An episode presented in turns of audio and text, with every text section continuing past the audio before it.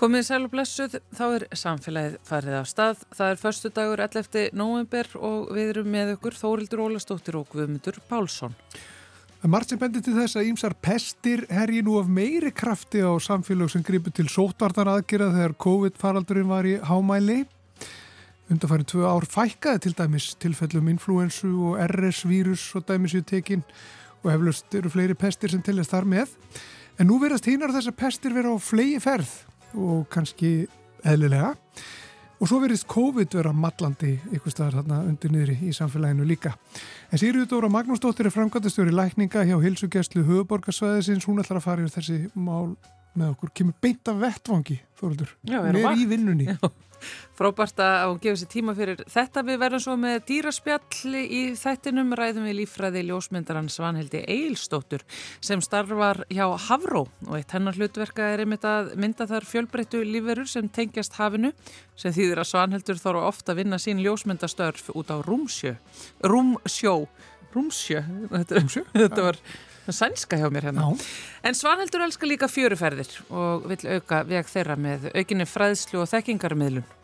Hinga kemur líka Gunnar Dófri Ólafsson hjá Sorpu, hann ætlar að segja okkur allt um stóru húsasorps rannsóknina sem er í gangi núna og þá er kafað djúft í heimilusorpið og það greint í smæstu smáadriði. Rosalega spennandi. Og málfarsminútan er svo á sínum stað. En við byrjum á umgangspestum.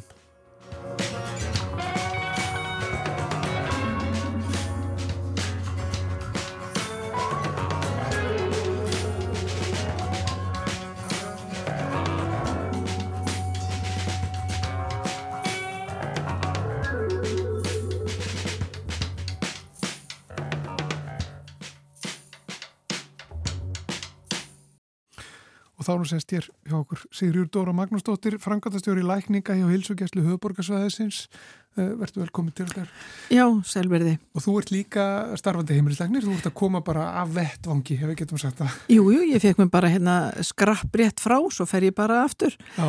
Það er nöðsynlegt að sinna líka vinnunni sem heimilisleiknir, en það er líka skemmtilegt. Já. Núna er margt í gangi, það eru margir veikir og það eru ímsa pestir komnar af stað. Er það ekki tilfellið að þetta datt nýður þarna þegar að, að sótarnaraðgerir voru í gangi hér og, og víða í kringum okkur?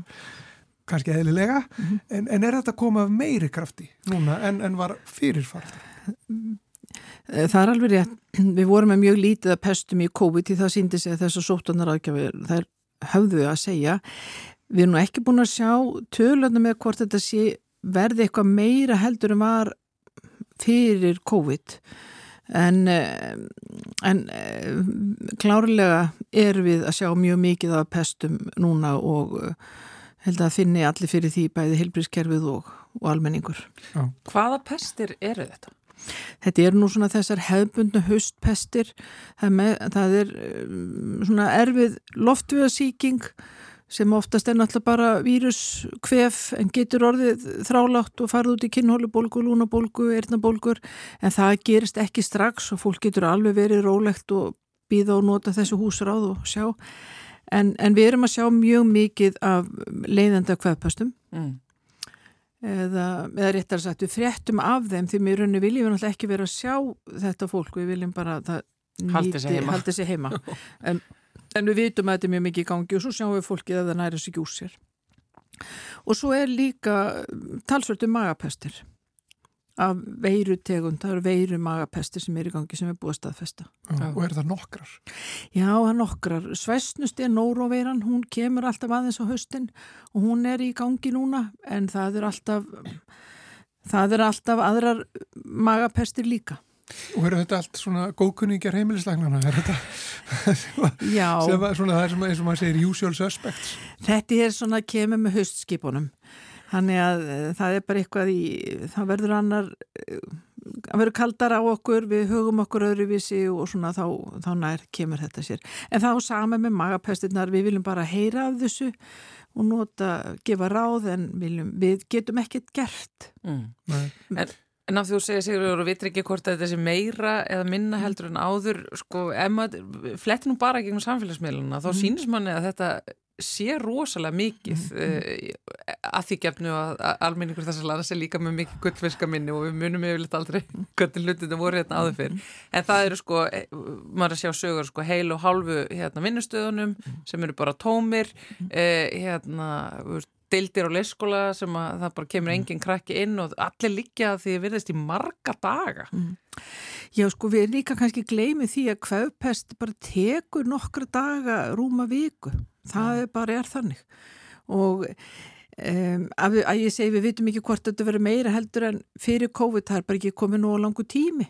Þá bara eftir að sjá hvað sapnast mikið mm. af tilvíkum saman en það heita, hefur nú oft verið svona hálfu leikskólanir, hálfu deildinnar heima og svona þannig að við bara gleymið því sem betur fyrr en svo er það alltaf þannig að við sjáum alltaf nýtt aðeins og hverju ári og nú erum við að sjá að flensan virðist til dæmis verið herjadáldi á börn, börn virðast fara veikjast meira flensunni ár heldur en við höfum verið að sjá áður og þess vegna hefur sótanalagnir mælst til þess að börnum hálsás til tvekja hálsás að þau fari í flensubólusetningu.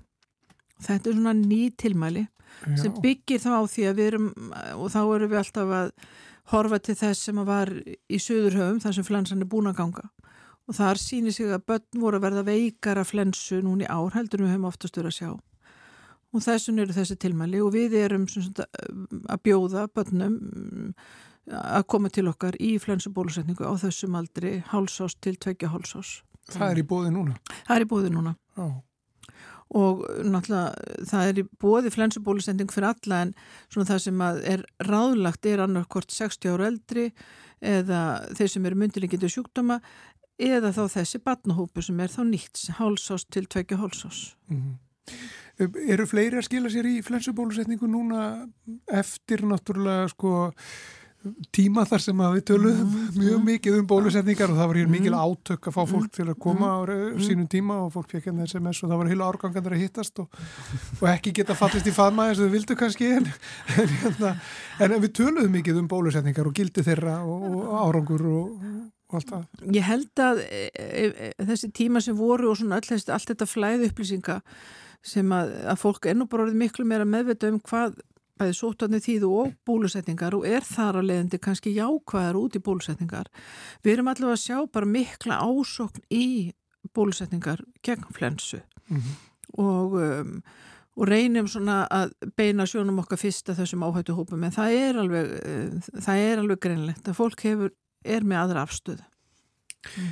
Er fleira, sko, getur, getur almenningur óskað eftir fleiri bólusendingum? Eða, sko, er, er til allskins bólöfni sem að sem að við einhvern veginn kannski áttum okkur ekki endilega á að sé í bóði? Jú, það er nú alls konar til en þetta er nú alltaf sótvandalegni sem að, að lokum tekur þetta þá inn í svona skildu bólusetningarna sem þýðir þá að hann borgar eða þetta er á mm -hmm. kostnaríkisins það eru, núna er til dæmis verið að hvetja til endur bólusetninga á söndu badnuveiki og kíhósta og mænuveiki af því það sýnir sig að það er að ganga í Evrópu þannig þeir sem er að fara í ferðarlög til um, Evrópu þeim er álægt að fá áfyllingu af sínum badnabólusetningum ef þeir hafa ekki verið bólusettið síðustu tíu árin Já. það er þetta sem kallað er bústeregs póljó Þannig þetta er svona líka bara því að heimurinn er alltaf að breytast, við erum mér á ferðinni og þá, er, þá kom upplýsingur um að þessar, þessi sjúkdómar eru bara miklu nær okkur en við heldum. Mm.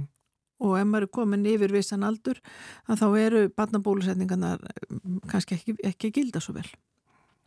Þú sagðir áðan sko við viljum ekki sjá þetta fólk, við viljum ekki að koma mm, til okkar mm, sko, fólk sem er mm, kannski með pest eða er með þessa öndunafæra síkingar og, og þetta.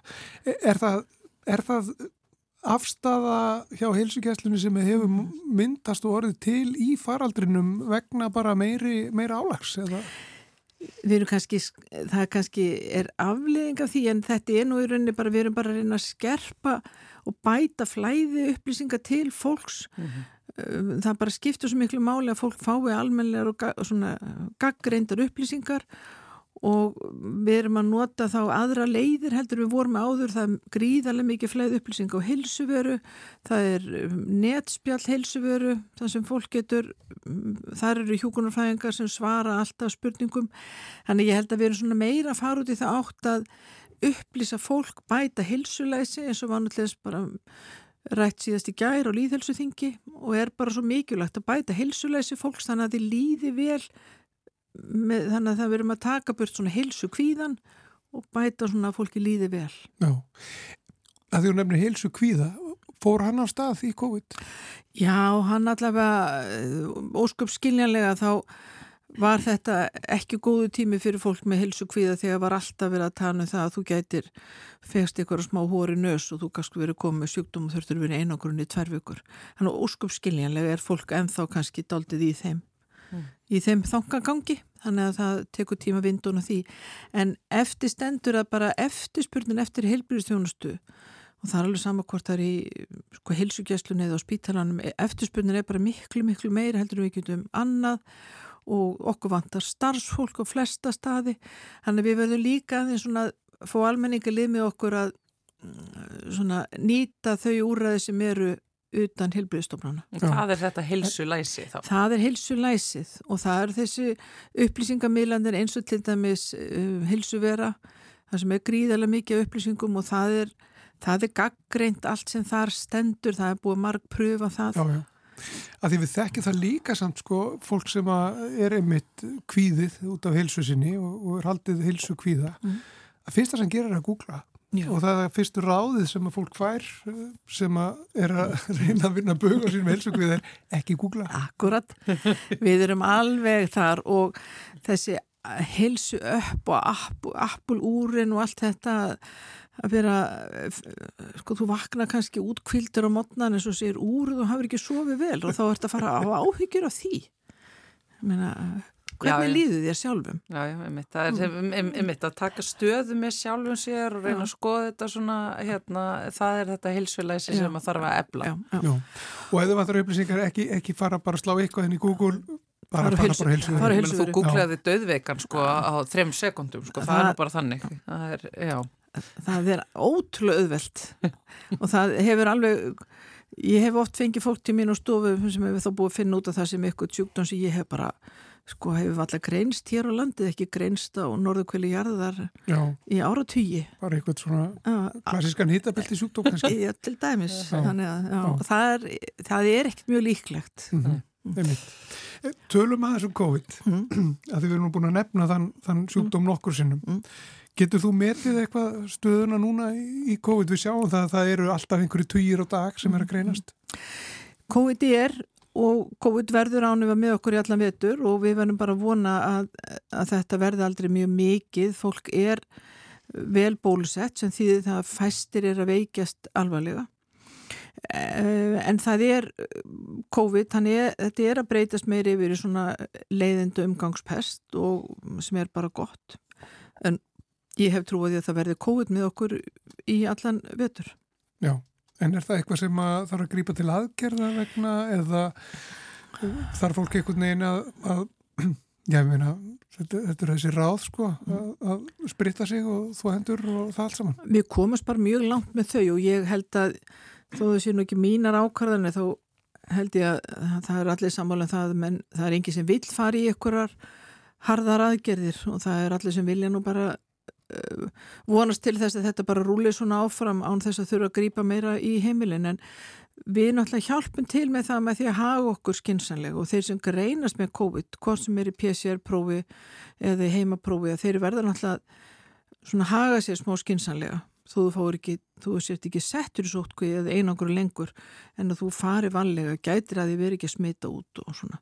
Og það gildir náttúrulega með alla þessar sjúkdum að bara það hefur áhrif á okkar bata sem og aðri umkvörun ef við erum ekki að, ef við högum okkur skynsalega. Já, en þessi, þessi sjúkdómur sem er í gangi núna, mm. uh, þetta afbreyðið eða hvað við mm, kallum það, mm, mm. uh, þessi byrtingamind COVID sem er í mm, gangi núna, uh, er hún þá orðin þannig að það er eins og hverjunur umkvörspest einhvern veginn að eiga við það? Já, flesti fá þetta bara sem svona efri loftu og síkingu pest þar og, og, og svona Og líklegt að það fari ykkur svona bilgja í ganga eða hvað? Já, meðan að við erum alltaf Íslendinga tóku svo vel við sér í bólusetningum og eru þannig að bólusetningarnar eru að hjálpa okkur og við vonum að, að þá bara það dugi það til að þetta verði aldrei neitt meir Já, mm. og þá eru komin í bólusetningar mm. og þá spyr ég þig aðeins út í þær. Mm. Hver er eiga núna að skella sér í bólusetningu? Sko við COVID-bólusetningu þá er mælst með, með fjórðaskamti eða þriðja eða fjórðaskamti að fólk hefur ekki fengið það. Það sé allir yfir, fer, yfir 60 fyrir ekki, allir yfir 60 og það er það sem sóttanalagnir ráðleikur og, og síðan þá einnig þeir sem eru myndilíkindi sjúkdóma. Við höfum ekki vísa frá en, en þetta er svona allavega, það sýnir sig að það er mikilvægast að ná til þessa hóps og þeir geta bara farið og panta tíma í COVID-bólusendingu á, á sinni hilsugjastlu stöð. Það er aðeins svona að sapna saman, það er ekki bólusett alltaf því það þarf að klára glösin og hafa mannskap og svona en það er, það er alltaf í bóði í hverju viku COVID-bólusendingu og það eru sérstaklega þessi sem eru þá komnir yfir 60 sem að við erum svona að vera, að, vera að mælast til. Já, en eins og Þóruldur sem er kottnúk manniska.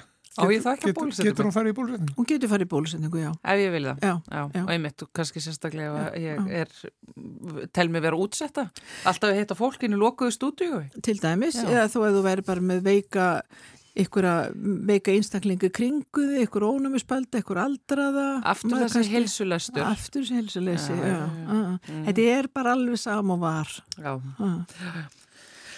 Við skulum samt vona að þetta verði ekki eins og þetta var. Nei, nei, nei, nei, nei. og við ætlum ekki, við ætlum ekki að hafa henni jólakúlu jól eða neitt svo liður, sko. En ég held þess að við, við erum búin að breyta okkar hegðun, ég veit ekki um, hvort við förum að faðmast jafn mikið og mm -hmm heilsast mikið með handabandi og svona við erum miklu meira spritt í sprittstandur áfram út um allt. Nei, það er bara, bara, bara besta mál. Það er beint fyrir fram að því ef þú vilt þá er nóg spritt hér. En Sigriður Dóra Magnúsdóttir eh, við skulum þá einmitt veifa þér bless. Þú ert, þú ert á vakt, farið vinnuna. Frankvæmtastöru lækninga hjá Helsingjæslu Hauðborgarsvæðisins og eh, heimilislæknir. Ert á leiðinni bara í vinnuna aftur núna? Ég er på leiðinni vinnuna aftur. við byrjum bara að helsa, takk fyrir komuna. Skila því, takk fyrir mig. Já. I'm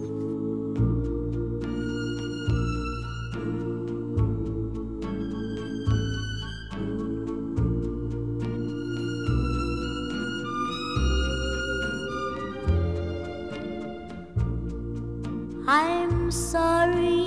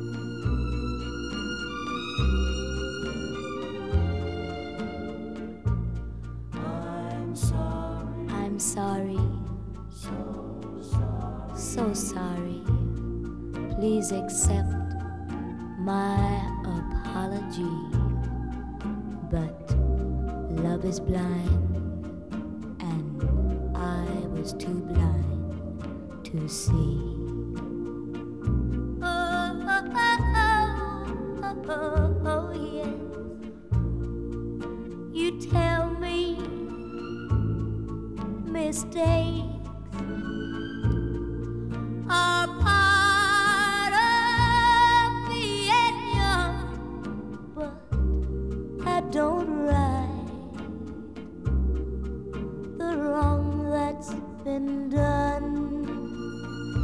Oh, oh, oh, oh, oh, oh yes. I'm sorry, so sorry. Please accept my apology, but love was blind, and I was too blind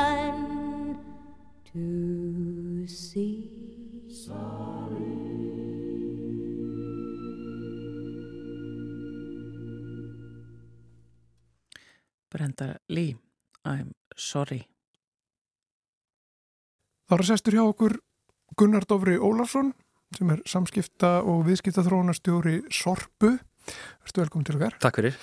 Okkur langaði að fá þig til að segja okkur aðeins frá uh, stóru húsasorparansókninni Já, sem, að- sem að sorpa stendur fyrir. já, Uh, það er verið að, gramsa svolítið duglega í rusli uh, höfuborgarbúa núna. all hressilega. Það er á ár hvert, þetta er árvis viðbryður hjá Sorpu þegar við svona, tökum, tökum síni úr þessu, þessum úrgangi sem að kemur frá heimilunum þá aðalega í gegnum uh, tunnurnar þeirra og það sem er gert er að þessu er, hérna, þetta er svona tiltrúlega vísindalega gert, það er tekið sama magna hverju ári frá, frá einhverju svona handahófsvöldu þýði og, og flokkað í tætlur hvað það er sem er í þessum tunnum.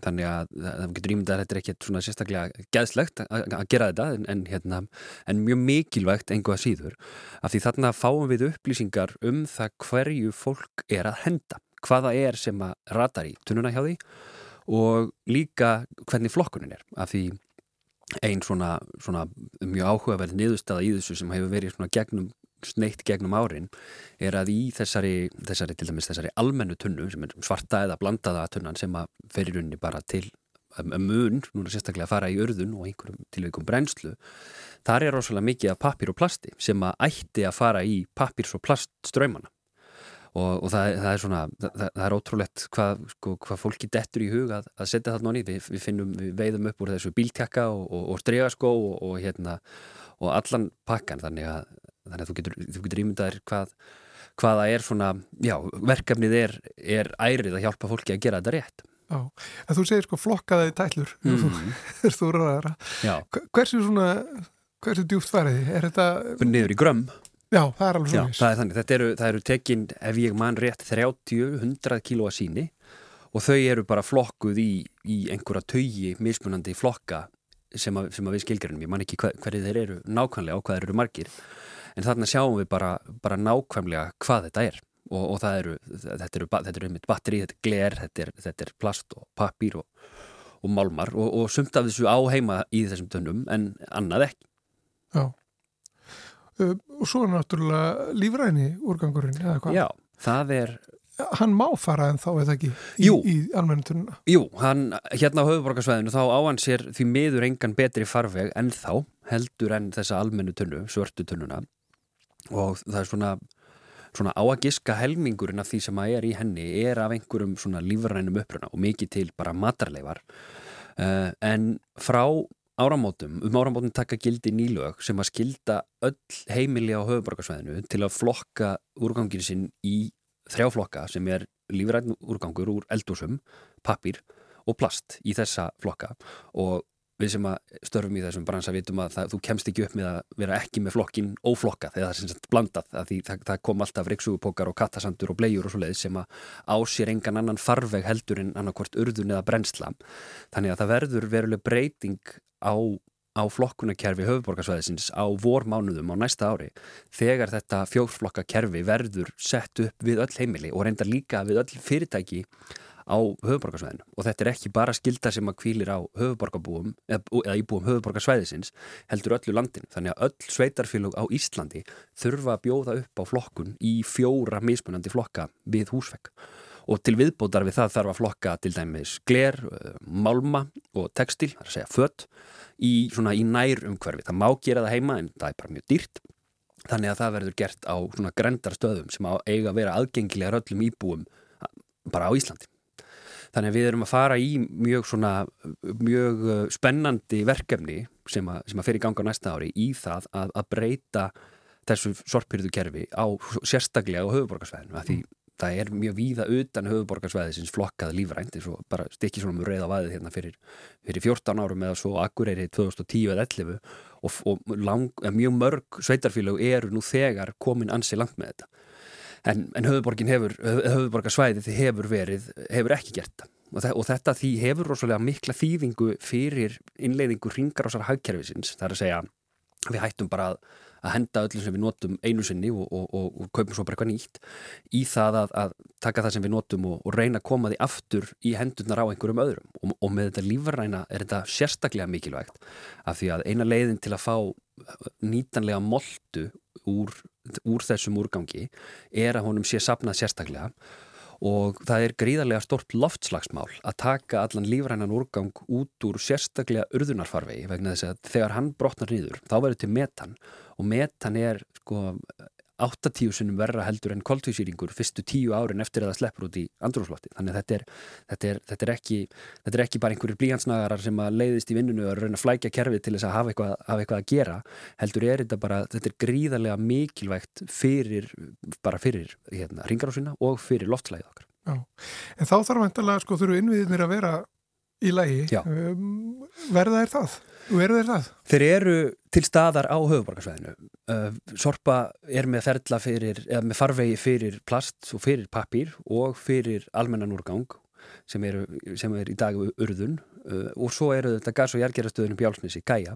Hún, hún mun fara að, að mala eins og kötturinn sem hún á, að- á að vera þegar hún fer að fá sérsafnaðan lífrannan úrgang. Því við rákum okkur á það að þegar farið var að vinna vinna lífrannan úrgang úr blönduðu tunnunni það var bara allt og, allt og mikið að gleri og, og, og plasti í því. Þannig að það var, ekki, það var ekki hægt að fara með það út fyrir húsins styr í rauninni við, við sjáum hins vegar af, af, af svona, svona frum niðurstöður af þessum greiningum sem við erum í núna benda til að úrgangurinn úr í lífrænu sérsöfnunatunni er bara ótrúlega reitt, þetta er bara mjög mikill og góður árangur sem við sjáum að því sum hverfi á höfuborgarsveðinu veru byrjuð að gera þetta með brúnutunnunni sem einhver kannast kannski við, að það eru svona tilraunaverkefni, en svo sjáum við líka á, á úrgangi sem hefur kem, komið frá, uh, frá söfnræðilum á Söðurlandi hreinleikin þar það er að segja hlutfall af lífrænu í, í, í því sem á að vera sérsamna lífrænt sem að þeoretist ætti að vera 100% lífrænt en, en í úrgangsmálum er ekkert 100% það er bara það er ómögulegt, ómögulegt nánast. Það er svona á bylinu 88 til 98% hreint sem að er bara ég, ég maður ma eiginlega trúir því ekki og þessi munur 88-98 er yfirleitt hvort hvernig þú flokkar pappir pappir sem, sem sagt, brotnar niður í þessu jarðgerðarferli þannig að þetta er bara, þetta er alveg ótrúlega við bindum mjög miklar vonir við þetta og þetta mun skipta alveg gríðarlega miklu máli fyrir þessa starfsemi Já. En sko, má ekki og á ekki, uh, mm. sko þe- þetta er ekki alveg sama, en núna er það á ekki, en, en verður má ekki, það er að segja, setja í, í þessa gráu tunnu eins og lífrannan úrgang, Mm. það, það verður bara bannað. Er það ekki? Ég meina, það, það bara má ekki frá með já, þessum næsta voru eða hvað þegar þetta tekur gildi. Eh, Svona í, í grunninn, jú Já, en, en sko verður eitthvað gert til þess að svona íta við fólki og, og sjá til þess að að sinni þessari flokkun eins og ætlasti til og, og eins og ja, bestur á kosið að minnsta Akkúrat. kostaði kamandi. Akkurat.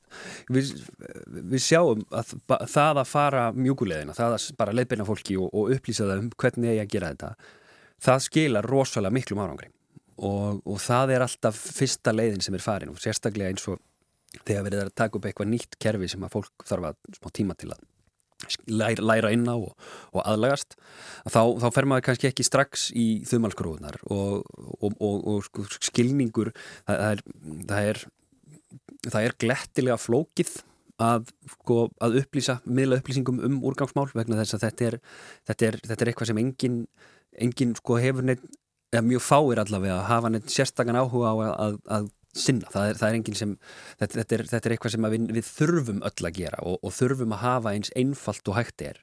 Þannig að, þannig að línan sem að verður, verður lögð hérna á höfuborgarsvæðinu og, og mér segir svo hugur nokkuð víðar vegna þess að sveitafélug í kringum höfuborgarsvæði hafa sínt í áhuga á að taka upp í rauninni sama kerfi og sveitafélaginu á höfuborgarsvæðinu og sorpa hafa í sameiningu útfært.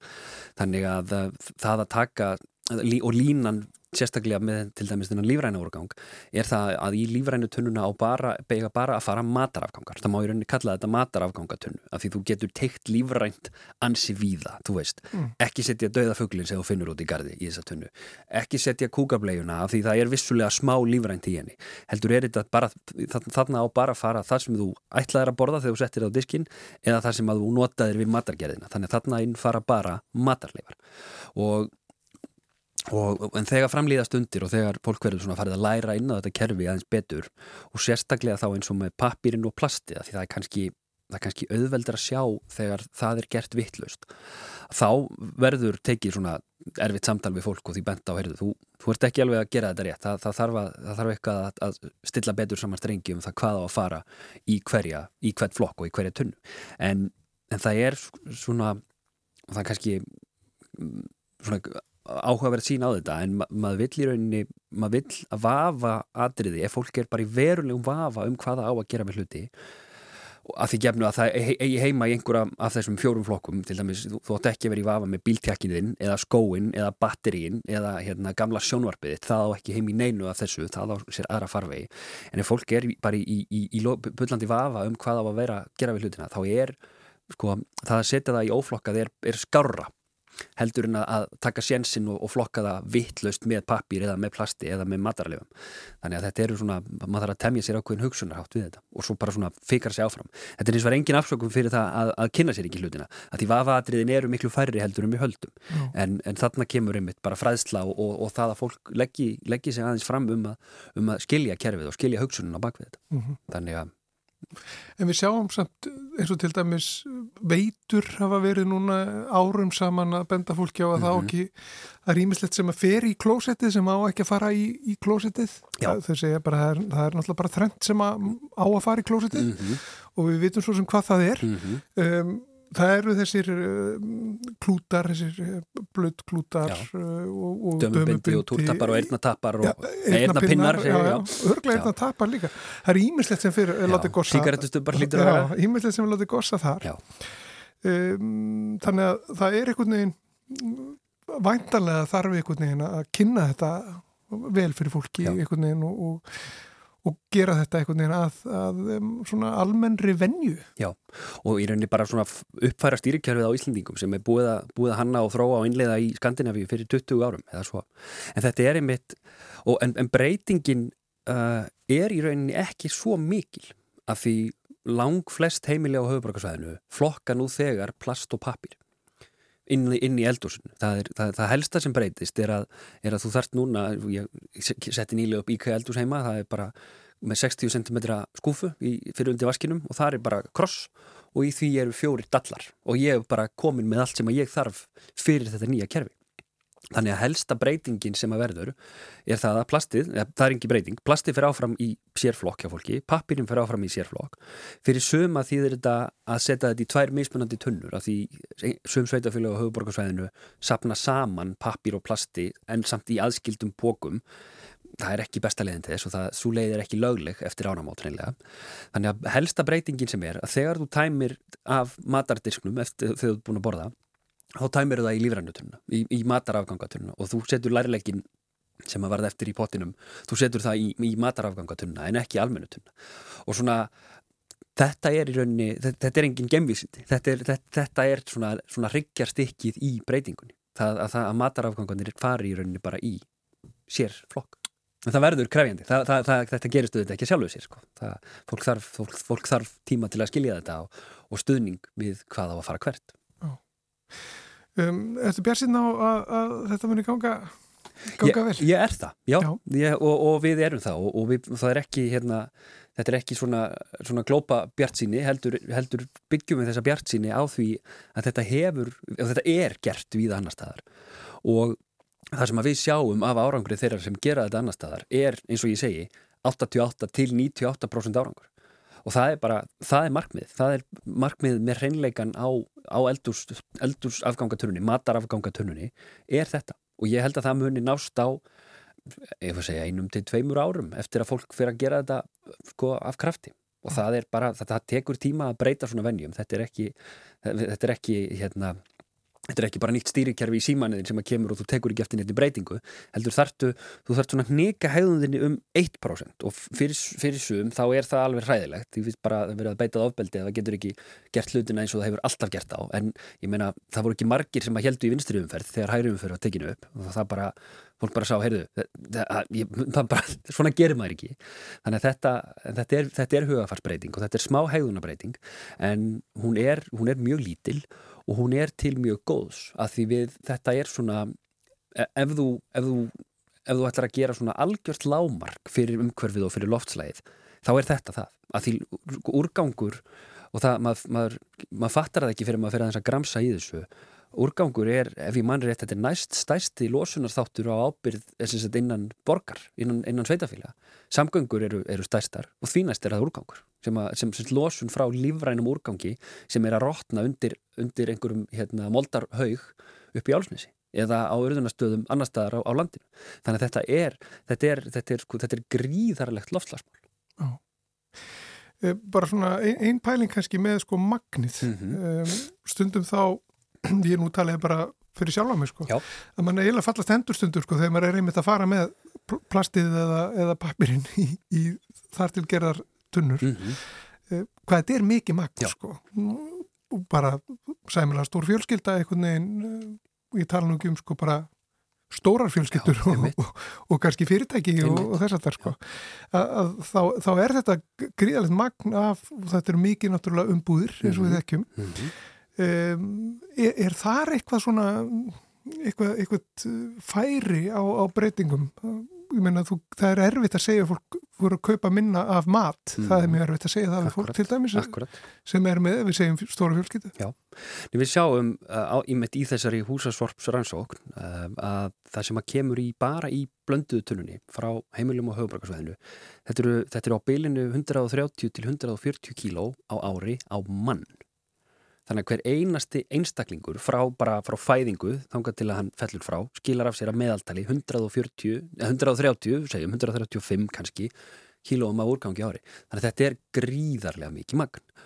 Uh, eitthvað af þessu er svona í, í grunninn óhjákvæmilegt. Ég meina, við, við, við förum ekki að snýta okkur í handakríkana okkur eða eitthvað svo leiðis og, og, og það það, það hérna, hýðið utan af avokadóinu verður ekki, það er, það er erfitt að gera eitthvað við það annað en að, en að henda því eða koma því í rauninni í, í réttan farveg. Um, en, en það er sko sorpa lifir eftir því leiðaljósi líka og, og fyrst og fremst að reyna að minka úrgang. Þannig að við viljum að, að það sé eins lítil sóun og, hægt er það er bara mjög, sko, mjög stort og krefjandi verkefni að því, að því það, er, það er oft hort bara á, á almenning og, neytendur og fólki sagt að, að hérna, taka til heima hjá sér og gera þetta betur. Um, við höfum rosalega lítil faktist áhrif á framleiðsluferla og hvernig, það, hvernig hlutir eru framleitir og áður en að við tökum það inn á heimilin okkar Þannig að, þannig að þessi, þessi vinna og þessi þrýstingur sem er gríðarlega mikilvægur, þetta þarf að fara ofar í keðjuna af því, af því uh, fyrirtæki sem að meðhöndla úrgang. Þetta er í rauninni bara, þú, svona, kannski ekki, ekki alveg eins, en þetta er svona eins og, og hittamælirinn í, í, í herberginu. Hann segir þér það að við sjá, fáum hérna 130-140 kíló frá hverjum einasta einstaklingi. Þetta er ekki, ekki áfællistómur yfir, yfir sko, fyrirtækinum sem meðhandla úrgang og sjálfu sér ekki, ekki, ekki yfir almenningi heldur. Heldur er þetta áfællistómur yfir keðjunni í heild, að, að, það hafi, að það sé ekki í þessum heiminn sem við búum, það sé, sé ekki skilvirkari framleiðsla heldur en þetta. Þannig að, þannig að þetta er, úrgangur er bara byrtingamind sóunar og það að einhver staðar klikkaði einhver í, í hönnun eða í innkaupum eða í framleiðslu eða í útfærslu. Þannig að, þannig að tvímæla löst að taka, taka slægin ofar, taka umræðuna á það stig að það á ekki að vera svona mikill úrgangur. Og, og ef við horfum bara til Íslands, sko, foreldrar ömmu afa, þau byggu ekki til einn úrgang fyrir úrgangur er 20. aldar fyrirbæri á Íslandi af því fram að því var allt gjör nýtt komuð þetta til af, af þeim ástæðum að við vorum hérna sára fátæk en, en það er hannu saga og við ætlum alls ekki aftur þangað en, en þessi hugsun að nota allt sem er til og, og að nýta hlutina betur þetta er eitthvað sem við þurfum að fara að tengja meira og betur við af því við, við, við viljum ekki hafa þetta svona Einmitt. Við ætlum að láta þessu lokið eh, Gunnar Dóri Ólafsson uh, samskipta og viðskipta þrónastjóri Sorpu. Þeir eru núna að standa í þessari stóru húsasorp rannsókn. Mun fólk geta að skoða niðurstöður úr þérni ykkur staðar? Já, það er niðurstöður síðustur rannsóknar liggja á vefnum okkar og niðurstöður þessar verða kynntar bara um leið og þær liggja fyrir. Það tekur hvort að sé snemma á næsta ári sem að, sem að við sjáum hvað kemur út úr, upp úr, upp úr kössunum. Já, og núna er einhver með gummihanska og grímu og kannski hlýðagleru Allan í galla að róta í, í ruslinu Já. frá okkur. Já. Þannig að það það er að henda, henda, vanda sig að henda. Takk fyrir þetta.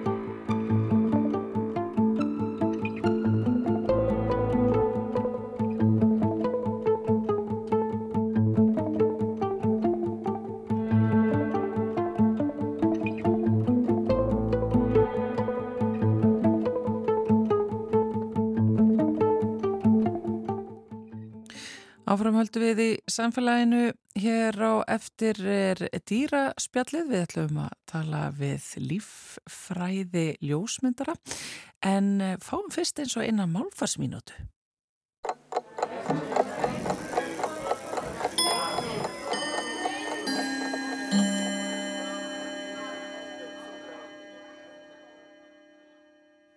Í íslensku eru til sérstök orð yfir tengsl foreldra og barna. Móðir og dóttir eru mæðgur en móðir og sonur eru mæðginn. Fadir og sonur eru feðgar, fadir og dóttir eru feðginn. Sömu orð eru notu þegar dæturnar eru fleir en einn og sínirnir fleir en einn en það eru orðin mæðgur, mæðginn, feðgar og feðginn fleirtölu orð, bæði í málfræði og merkingu. Málfræðilega væri ekkert að eintölunni, mæðga og feðgi eru rétt mynduð orð en merkingarlega eru þau fjärstæða. En hvaða orð á að nota um móður og börn hennar af fleiri en einu kyni, til dæmis móður, dóttur og són í einu orði? Væntanlega nær orðin mæðgin yfir það og feðgin yfir samskona samsetningu föður og barna af fleiri en einu kyni.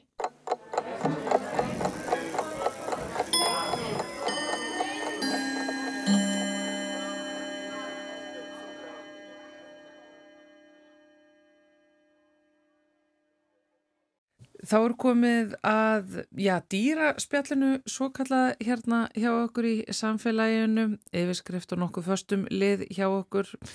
Þá höfum við nú svona alla jafna verið bara að anda ofan í hálsmálið á fólki sem vinnur með dýralífið okkar, náttúruna eiginlega bara alla og fengi að forvitnast um hvað þau eru að rannsaka, hvað þau eru að skoða, hvort þau hafa upplifað eitthvað skemmtilegt sem þau vilja segja okkur frá.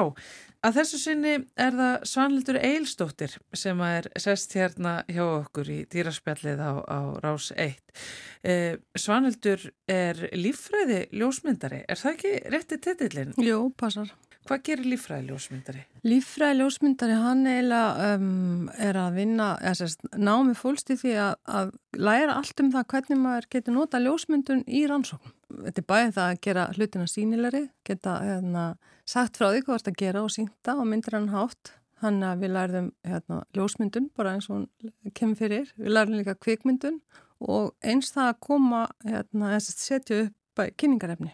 Svo náttúrulega ennþá meira það er bara eins og til dæmis uh, hérna, nú er alltaf að þróast hérna vélnám mm -hmm. og ljósmyndun skip, skipar stóransessi því oft þannig að maður getur séð fyrir sér að hérna, í framtíðinu þá verður bara ljósmyndun rúslega stór hluti á okkar vinnu. Við sjáum til dæmis bara kvarnir sem verður aldurslesa núna. Já. Mjög líklega verður það bara lesið á myndum. Auðvitað. Veist, allir svona ferlar, mælingar og annað, ég held að þetta sé alltaf fara í þá leið og, og nú þegar er farið að nota ljósmyndun í, þú veist, bara í myndgreiningu, allskyns. Sko, þú ert eini svona sérhæði líffræði ljósmyndarinn á Íslandi og, og starfar hjá Havró. Já, það passar. Ég, hana, ég er kannski ekki eini, ég, ég, eitt vinu minn, hann tók þetta nám fyrir lungu síðan, Já. en hann hefur ekki starfað við það og hérna hann var það óhefn og hann var akkurat að vera að skipta úr hérna analóg yfir digital Já. þannig að hérna, jú ég er einn starfandi ljósmyndarinn og hérna er, var svo heppin og ég var að vinna áður á Hafró og hérna hef þróa vinnuna mína yfir í ljósmyndun, ekki að fullu en svona hluta til Já.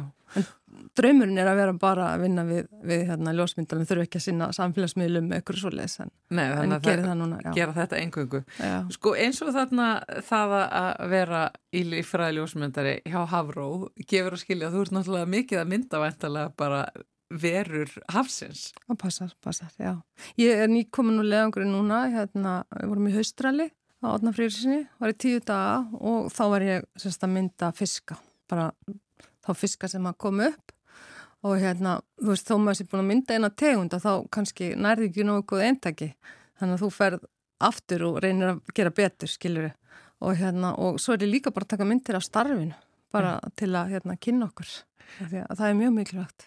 En þegar þú ert um þetta að taka til dæmis mynd af tegund, það kemur kannski ókunnug tegund upp eða sjálfgef eða einhver slík og þú hugsaður, heyrðu, ah, þetta er eitthvað sem okkur vantar myndir af, við þurfum einhvern veginn um að lokka þetta, Akkurat. taka myndir af, af því þetta eru viðkvæmar lífur og oft og, og sem að geimast illa, þannig að myndin er í rauninni heimildin um þetta þannig Já. að við getum séð hvernig hún er vaksinn og, og er það ekki? Jú, bara hvernig hlutirnir eru Og líka það er hægt að nota og senda þá mynd til sérfræðinga sem að þekkja viðkomandi tegund ef þetta er tala um kannski hrygglsingi ef þetta er bustormur eða, eða einhver fókett skil eða eitthvað að þá getur þú senda á sérfræðinga erlendis og hann getur staðfest greininguna. Hvað er flóknast við að að mynda lífurur og ég tala ekki um þess að sjá lífurur af því að það er bara, þau bæði náttúrulega liturinn og er einhvern veginn dopnar leið og þau koma upp úr og þau verða strax einhvern veginn oft svo ljót eftir að þau eru komin upp úr Já, þú vart helst að náðum bara sem fyrst. bara strax Helst bara. lífandi, já. Já. Og svo náttúrulega bara áskorinn að láta allt hérna passa, þú veist að, að skipir stöðut og reyfingu og fiskandir og sleipir og þú er ekki vinnuaðstaða. Nei, ég gerir þetta á gólfinu, já, liggjandi á njánum og stundum hefum búin að stilla öllu upp, rosa fínt, svo kemur ein hérna reyfing og þá fer allt út í hotn. Nei. Þannig að þú þarf bara hérna að vinna út frá því.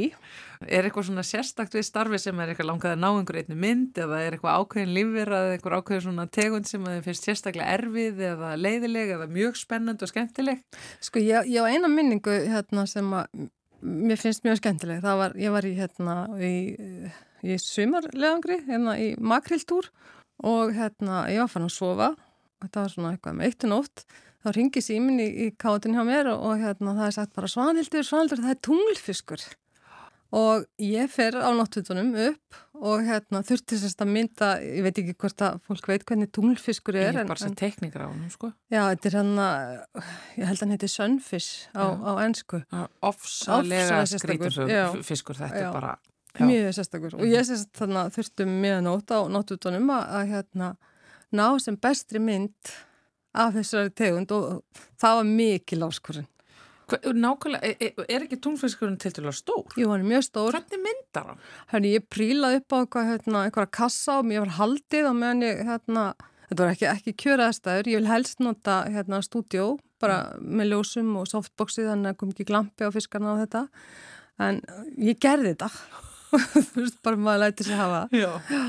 Það er hægt að sjá afrakstur þinna starfa og fleiri á, á uh, síðu Havró þar sem að þú ert búin að sapna saman myndum og upplýsingum um allar sjávar það Ekki er, allar. eða, já, það sem að er sem sem komið inn, með, já. já. En það er alveg hellingur hérna og maður getur algjörlega týnt sér inn á þessum vef. Já, ég var svo heppin að hann Jónbjörn Pálsson, fiskifræðingur, Mm. hann var búin að sapna myndum í mörg, mörg, mörg ár og, hérna, og það var svolítið ga- gaman að segja frá því að ég hérna, fekk aðganga myndunum og myndunum fylgja hérna, upplýsingar um hvena myndin eru teknar og ég rakst á myndir sem voru teknar á aðfangadag.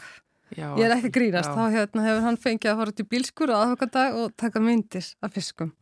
En það er náttúrulega ómetanlegt að fá svona og hérna, ég er sérst að reyna bara hvað ég get að bæta við og ég á helling, ég á helling að myndum að hrygglesingjum sem að hérna, fæstir hafa íslensk nöfn og við erum núna að reyna að vinna í því að koma þeim þannig líka.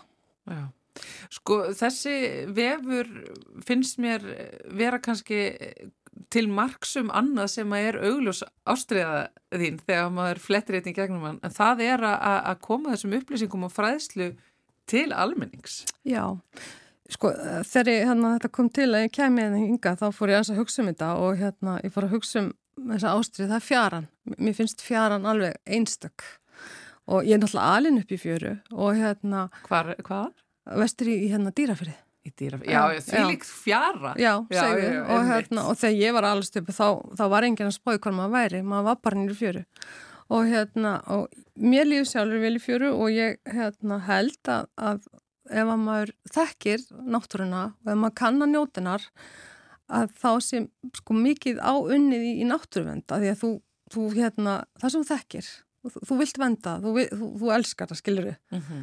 og hérna, hann að ég hef mikið náhuga að koma á einhverju svona fræðslu að ég held að sé hérna, áhugi fyrir fjörinni Já. en ég held að vanti kannski eitthvað til að hjálpa til við að þekka það sem er að finna í fjörinni, skilur þau? Já. Þannig að mér langar í svona eitthvað verkefni og ég er búin að sækja um styrk og ekki fá, fá en ég hérna, ef það er eitthvað sem á hellinga penning og er til að, að hjálpa mér að þá er ég til. Já, settum þetta hann út. Já, að hérna að gera eitthvað verkefni þar sem að hérna sérfræðingar leiðbeina kennurum eða þeim sem vilja fara í fjöru að fara í fjöruna, skilur við.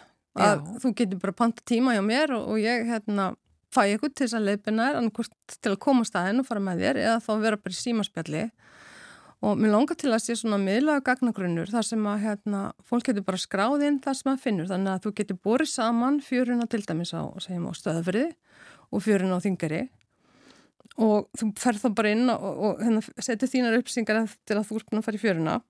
Og þannig held ég að við getum líka sko bæði aukið þá hérna, þann hóp sem að lærir eða kann að nota fjöruna til útvistar og eins líka er þetta bara, getur við að hafra og kannski nota þetta sem hérna, og fleiri geta nota þetta sem hérna, aðstofi að fylgjast með nýjum tegundum til dæmis. Þú veist, það eru, það eru 300 tegundir af þörungum í Ísland og það er að vera 100 sem eru sjáanlega með byrjum augum. Já. Þú veist, þannig að þetta er rosalega fjölbreytt og ég segi eins og fyrir ljósmyndara að hérna, þegar allt er að kafi snjó, hvar eru litirnir? Þeir eru í fjörni. Það er. Já. Og, og þú hefur einmitt uh, lagt þig mikið eftir því að mynda þessar fjöru lífverur Já. sem að við gleymum svolítið bara sjálfa að kíkja eftir þegar uh, almenningu mynda fer í fjöru, fjöruna. Mynda og borða og Já, borðaði mitt, þú ert Já. mitt, hérna hefur sínt mér að þú hefur uh, gefið út með þessa uh, bók með uh, upplýsingum um hvernig á, er hægt að elda úr alls konar Mhm. þörungum og söl og bara því sem að fæst hér. Já, já. Og þetta er greinlega mikil ástreið hjá þér. Já, þetta er alveg, hérna, já. Ég segi það ekki, ég segi ekki að borða þörunga alla daga en, en hérna, en það er gaman að prófa og gaman að, hérna, týna sér sjálfu til matar. Bara, og mynda þetta. já. En finnst þér, finnst þér almenningu vera fjarlægast uh, umhverfið sitt og náttúruna? Ég veit ekki, en hérna, tilfinningin er kannski svo, en ef þú stendur fram fyrir valkost að fara í smálind með bönniðin eða í fjöruna, þá Já. finnst mér að vera að fara í fjöruna. Skilir mig? Já. Já. Ég, ég held að það bara, veist, þessi, það er alltaf að vera að tala um núvitund og hérna að setjast nýri fjöru og fylgjast með því sem kemur, þú veist, eh, tala nú ekki með og lendur ég að sjá ref í fjöru eða, eða einhverja sjálfkjaða fuggla eða eitthvað, þú veist, það, það er bara, það er svo margt. Og ef ég er að fara, ég hef áhuga að mynda allt. Ég bara, og ég elska refi, en hérna, og ég, fjaran, það, ég fer fjöru til að reyna að sjá fuggla Já.